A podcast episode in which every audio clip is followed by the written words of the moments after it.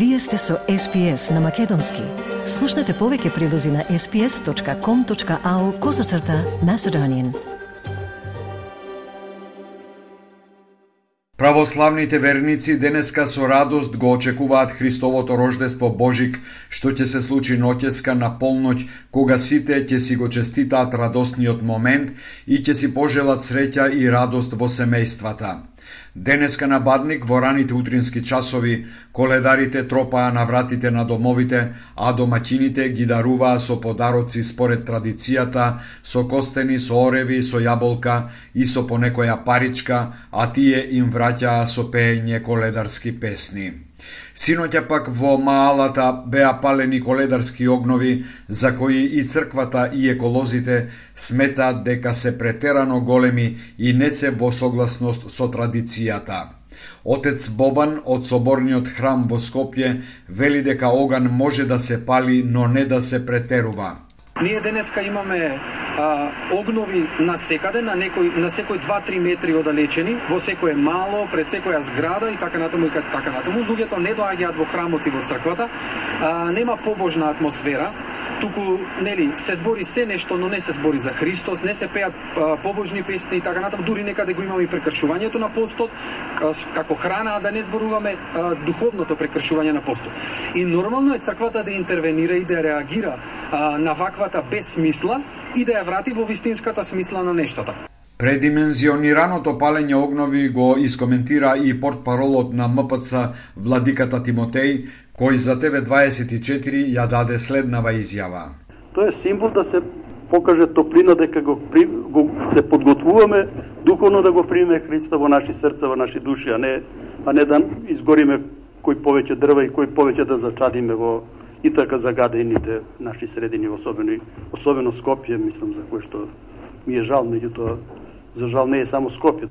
Тимотеј вели дека палењето на огнот е погрешно разбрано и се организира со многу храна, орис и музика, а се наоѓаме во Божикниот пост, кога се пречекува рождеството Христово.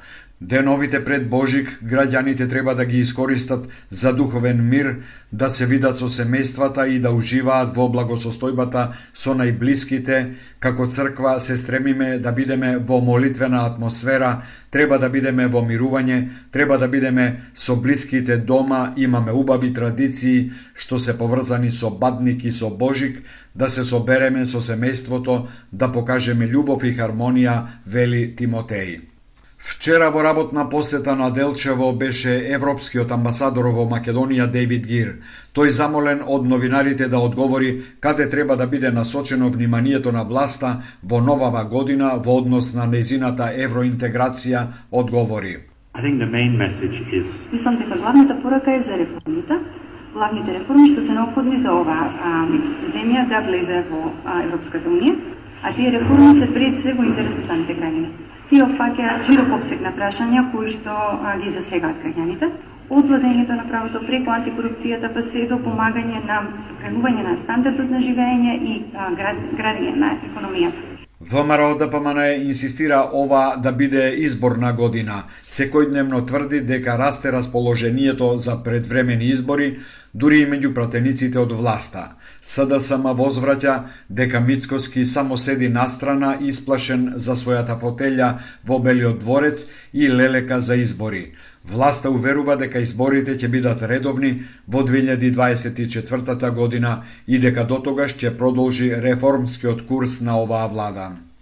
Поранешниот шеф на УБК Сашо Мијалков, кој во затворот во Струга издржува тригодишна затворска казна за случајот Империја, Новогодишната ноќ ја поминал на слобода. Тој користел слободен викенд. Директорот на Струшкиот затвор Валјун Ќула Поголемото интересирање на медиумите вели дека нема ништо незаконски во тоа, бидејќи Струшкиот затвор е од отворен тип, а Мијалков е сместен во најлибералното одделение. Управата за извршување санкции исто така потврдува дека Милков користел законско право. Поранешниот шеф на УБК вчера беше спроведен во кривичниот суд во Скопје, во кој продолжи судењето за случајот Титаник 2, Кривичното дело за кое се гони Милков во овој случај примање награда за противзаконито влијание му застарува за пет месеци односно во април.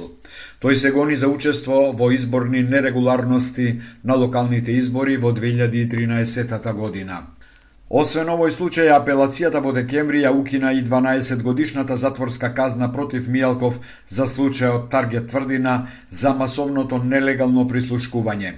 Апелацијата го врати и овој случај на повторно судење, откако предходно 15 месеци го чуваше предметот во ФИОКа.